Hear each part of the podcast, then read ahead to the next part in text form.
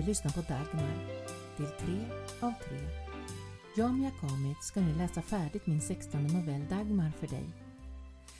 När vi slutade sist hade biträdet på Birgittagården tagit kontakt med sin kusin, poliskommissarie Torbjörn Larsson, och tillsammans åker de till gården där Dagmar levt större delen av sitt vuxna liv.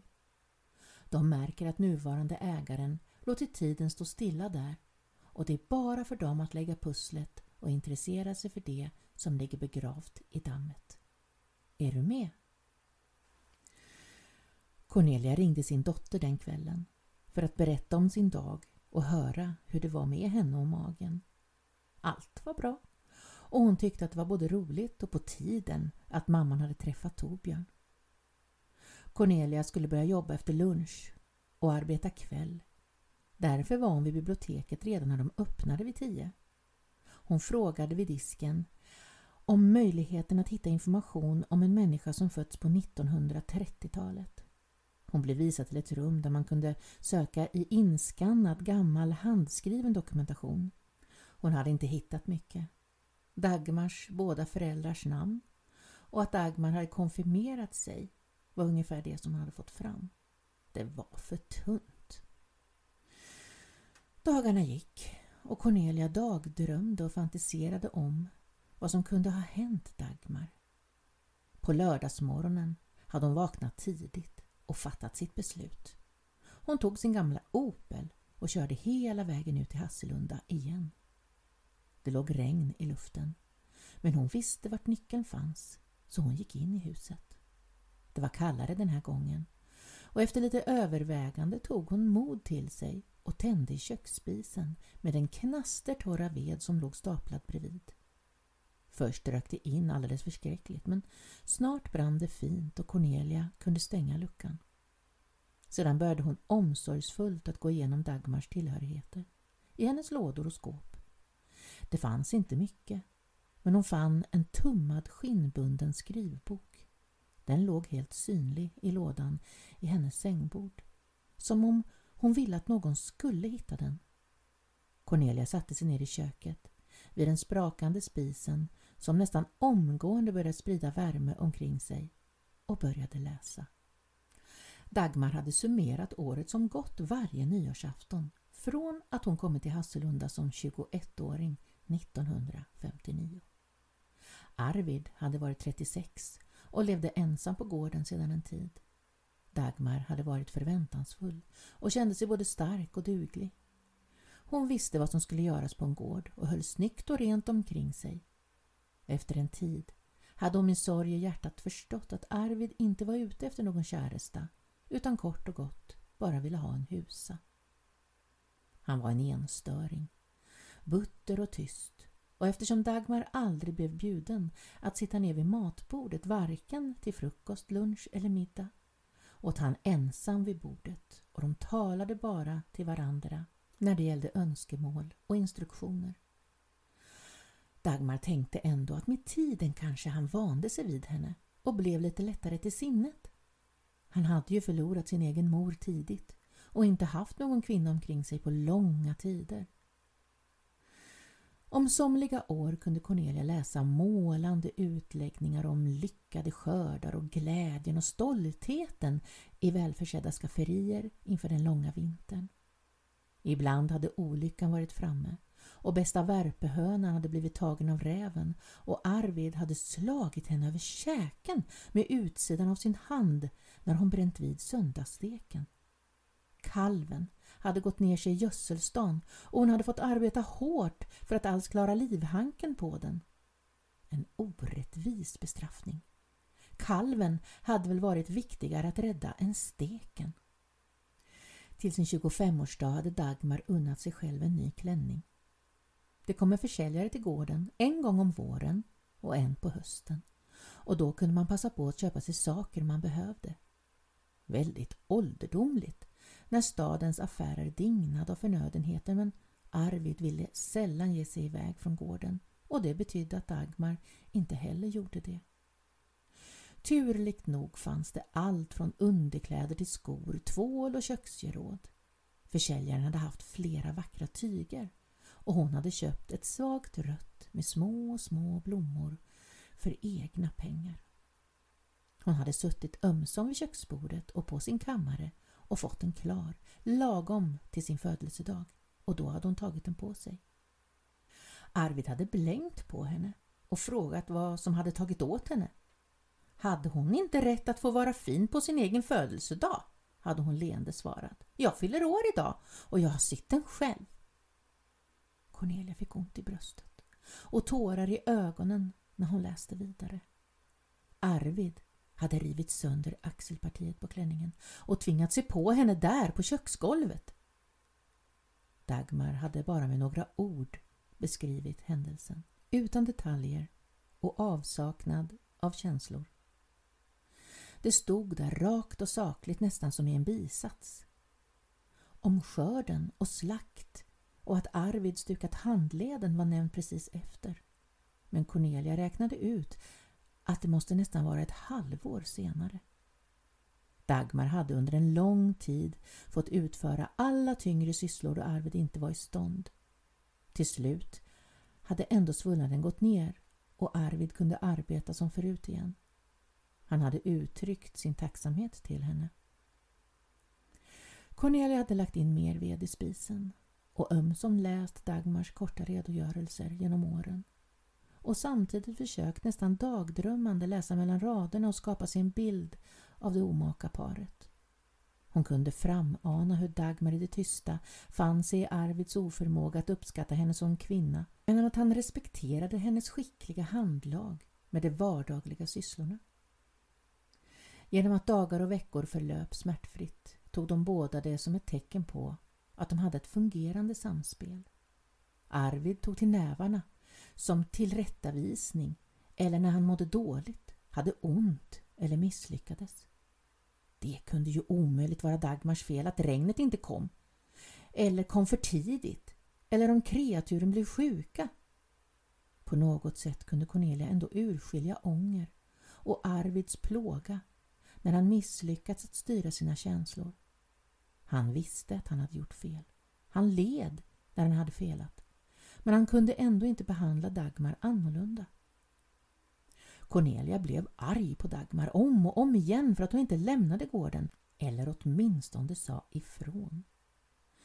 Det var som en tyst maktkamp där Dagmar utan ett hårt ord envist och rak i ryggen felfritt gjorde sin plikt och höll Hasselunda i oklanderlig ordning medan Arvid krympte med sina missgärningar och blev svagare och svagare. Dagmar beskrev aldrig några av övergreppen men summerade varje nyårsafton hur många gånger under året som Arvid krävt av henne att ta på sig den röda klänningen. Dagmar felade eller svek aldrig och växte starkare genom sin egen självaktning. Arvid blev svagare genom sitt eget självhat. Cornelia undrade ändå om de långa perioder som fungerade utan missöden, om maktbalansen var god då och om det var kärlek dem emellan på något märkligt sätt. Ingen av dem hade ju känt vad verklig kärlek var förutom den till djuren eller till vad marken gav och allt som fanns omkring dem. Nyårsafton 1967 fanns ytterligare anteckningar som fick tårar att rinna ner för Cornelias kinder. Hon grät så hon hulkade och blev så täppt i näsan att hon behövde gå ut på förstukvisten och andas in den kalla höstluften innan hon kunde lugna sig. Hon kände plötsligt en fruktansvärd hunger och insåg att timmarna hade rusat fritt och med boken i handväskan körde hon hela vägen hem. Dagmar hade blivit gravid och burit sitt barn månad efter månad utan att en enda dag inte perfekt skött sina sysslor. Hon hade haft en lång period av kräkningar och svår smärta sista tiden över höfter och rygg. Arvid hade inte burit hand på henne under tiden och inte nämnt den röda klänningen en enda gång. Sax och rena handdukar låg på nattduksbordet var kväll när det började närma sig och Dagmar kokte nytt vatten och hällde i rengjord termos innan hon gick till sängs. Hon sov på extra handdukar för att inte skada madrassen och hon hade sytt små lämpliga plagg för en liten. Hon födde ensam en liten pojke natten till den 9 oktober i skenet av en fotogenlampa. Morgonen efter, medan den lille sov nöjd i en liten spånkorg i hennes säng, kokte Dagmar gröt och serverade kaffe åt Arvid som alla dagar. På tredje dagen var spånkorgen tom och den lille pojken, som hon givit namnet Jona, gick inte att finna. Hon hade konfronterat honom. Han hade misshandlat henne. Hon hade konfronterat honom igen och igen tills det utan tvivel inte fanns en chans att hitta pojken vid liv. Hon var så sönderslagen att hon inte kunde arbeta på många veckor. Cornelia var otröstlig. Ringde sin dotter och grät ut sin förtvivlan. Hon ringde Torbjörn och berättade vad hon hade fått veta. Han lovade att han skulle följa med henne till Hasselunda nästkommande lördag. Åren efter den olycksaliga händelsen hade varit om möjligt ännu tystare. Dagmar och Arvid såg till att gå omvägar om varandra.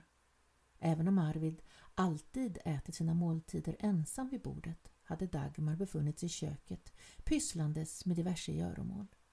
Nu vände hon på sysslorna och uppehöll sig i hönshuset eller bland grödorna medan han åt i köket. När de nästan aldrig sågs, förutom på avstånd, hade Arvid börjat lämna lappar på köksbordet. Dagmar läste dem nog, men låtsades aldrig om det.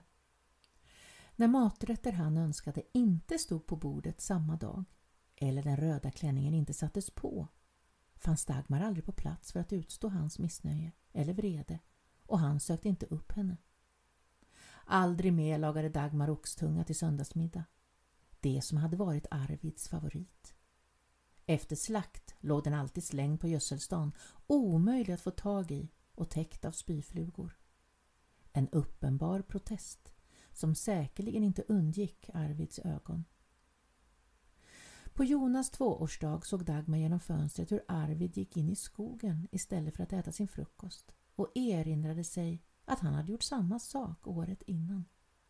Det var frost i gräset efter en kall natt så Dagmar kunde på tilltaget avstånd följa efter. Hon hade satt sina fötter i hans spår så långt hon vågade. När hon såg honom mellan träden vek hon av från stigen och hukade bakom några täta granar.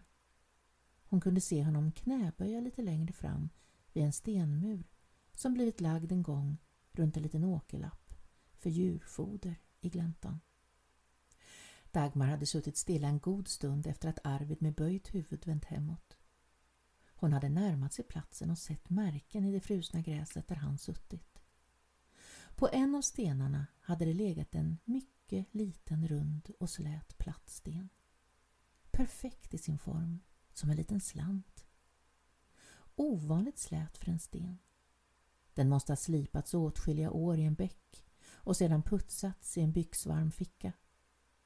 Hon hade tagit stenen och sedan den dagen burit den närmast sitt hjärta.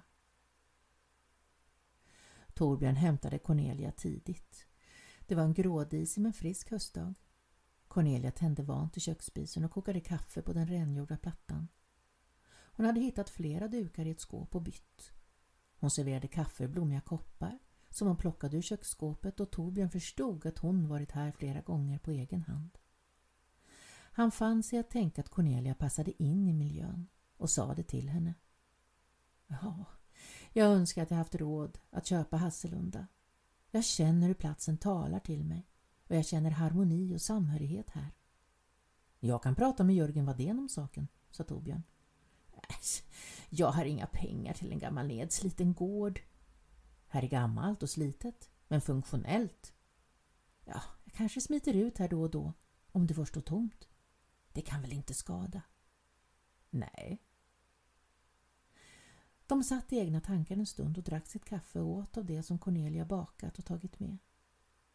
Det luktade inte instängt eller av damm längre. Inte var det kyligt och rått. Det fanns fortfarande ved i boden. När kaffet var urdrucket tog Cornelia till orda. Vill du gå med mig dit? Jag vet inte om jag vågar ensam. Vad jag ska hitta. Jo, Torbjörn nickade. Jag följer med dig. Bakom huset kunde man skönja en gammal igenvuxen körväg. Efter några hundra meter öppnade sig en glänta mellan träden. Det stod en gammal rostig tröska innanför en stenmur. Cornelia visste inte var i muren men kände instinktivt att platsen för den lille Jonas grav måste vara vid en stor och kvadratiskt slät sten.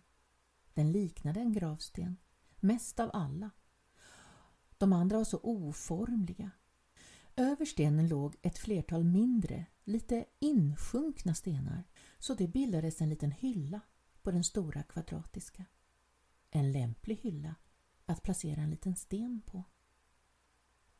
Cornelia stod som förstenad så det blev Torbjörn som fick gå fram och knäböja vid stenen. Han eh, lossade försiktigt på stenarna som låg inkilade ovanpå den stora och ett hålrum bildades. Han sneglade på Cornelia som verkade ha slutat andas med blicken fäst mot öppningen. Han stack in händerna och greppade ett bylte. Han lade försiktigt mellan sig och Cornelia på marken och vecklade upp tygstycket. Det var svårt att sära på flikarna efter så många år. Hans fingrar fumlade av spänning, trots att han förstod vad som skulle uppenbara sig efter nedbrytning och fem decennier under bar himmel i stenmuren. Det lilla kraniet var det minsta han sett och de övriga tunna små benen var inte mycket till lämning efter en liten människa. Av allt som poliskommissarie Torbjörn Larsson varit med om under sina många tjänsteår var detta det som helt klart gripit honom allra mest. En gammal tragedi och oförrätt som kommit i dagen efter så många år. Han ringde sina kollegor. Cornelia, hennes dotter Sofia och Torbjörn var de enda som närvarade vid Dagmar de Wanders begravning. Det fanns inte anhöriga nog för att bära kistan ut i kyrkan utan kyrkvaktmästare och ett par trädgårdsmästare fick hjälpa till. Torbjörn bar på sin vänstra axel. Det var tyngre än han hade trott. En sån liten människokropp. Hon hade nämligen önskat en gammal hedlig jordbegravning. På Dagmars högra arm i kistan vilade det lilla byltet. Cornelia hade inte förmått sig att lämna ifrån sig stenen. Hon tänkte att Dagmar inte skulle sakna den nu, när hon och lille Jona var återförenade. Cornelia och Torbjörn drack kaffe efter ceremonin på Sindris, det isländska kaféet som låg på samma gata som polishuset där Torbjörn arbetade. Torbjörn var tacksam över att han och Cornelia hade återupptagit kontakten. Han kände att det faktiskt skulle komma att ses framöver lite då och då. Inte bara som han sa, utan att mena det, utan på riktigt. De hade redan bestämt att de skulle ses på kyrkogården när gravstenen var på plats. Hur blir det med Hasselunda nu? frågade Torbjörn. Jag blev uppringd av Jörgen Wadén. Jag vet. Jag bad honom ringa dig. Jo, han blev tagen av Dagmars och Arvids livsöden. Ska han eh, sälja gården nu? Nej, han ska stycka av och sälja den största markbiten som är täckt av skog. Jaha. Huset och de tillhörande byggnaderna och den närmsta omgivningen omkring ska jag få bli ägare av för en till och med för mig överkomlig peng. Jag har fått en bra avbetalningsplan. Roligt. Jag läste din insändare om Dagmar i tidningen. Den var välskriven. Äsch, några rader bara. Ja, men välskriven. Värdigt. Måste kännas bra för dig. Som ett avslut menar jag. Jo, men jag skäms över att Dagmar kommer närmare efter det att hon var död än medan hon levde. Jag kände henne inte under alla de år som hon bodde hos oss på Birgittagården. Det är ju inte klokt. Bråttom, bråttom, bråttom, stress, stress och åter stress. Hon fick din uppmärksamhet till slut och du återförenade dem, mor och son. Det måste väl ändå vara det viktigaste. Här vilar Dagmar Devander med sonen Jona, kunde man läsa, på den lilla natursten som fick pryda graven. Cornelia besökte den ofta och planterade blommor och skötte om den. Torbjörn blev bjuden på dop i påskhelgen. Cornelias dotter Sofia hade fött en liten flicka. Hon skulle få bära namnet Jonna.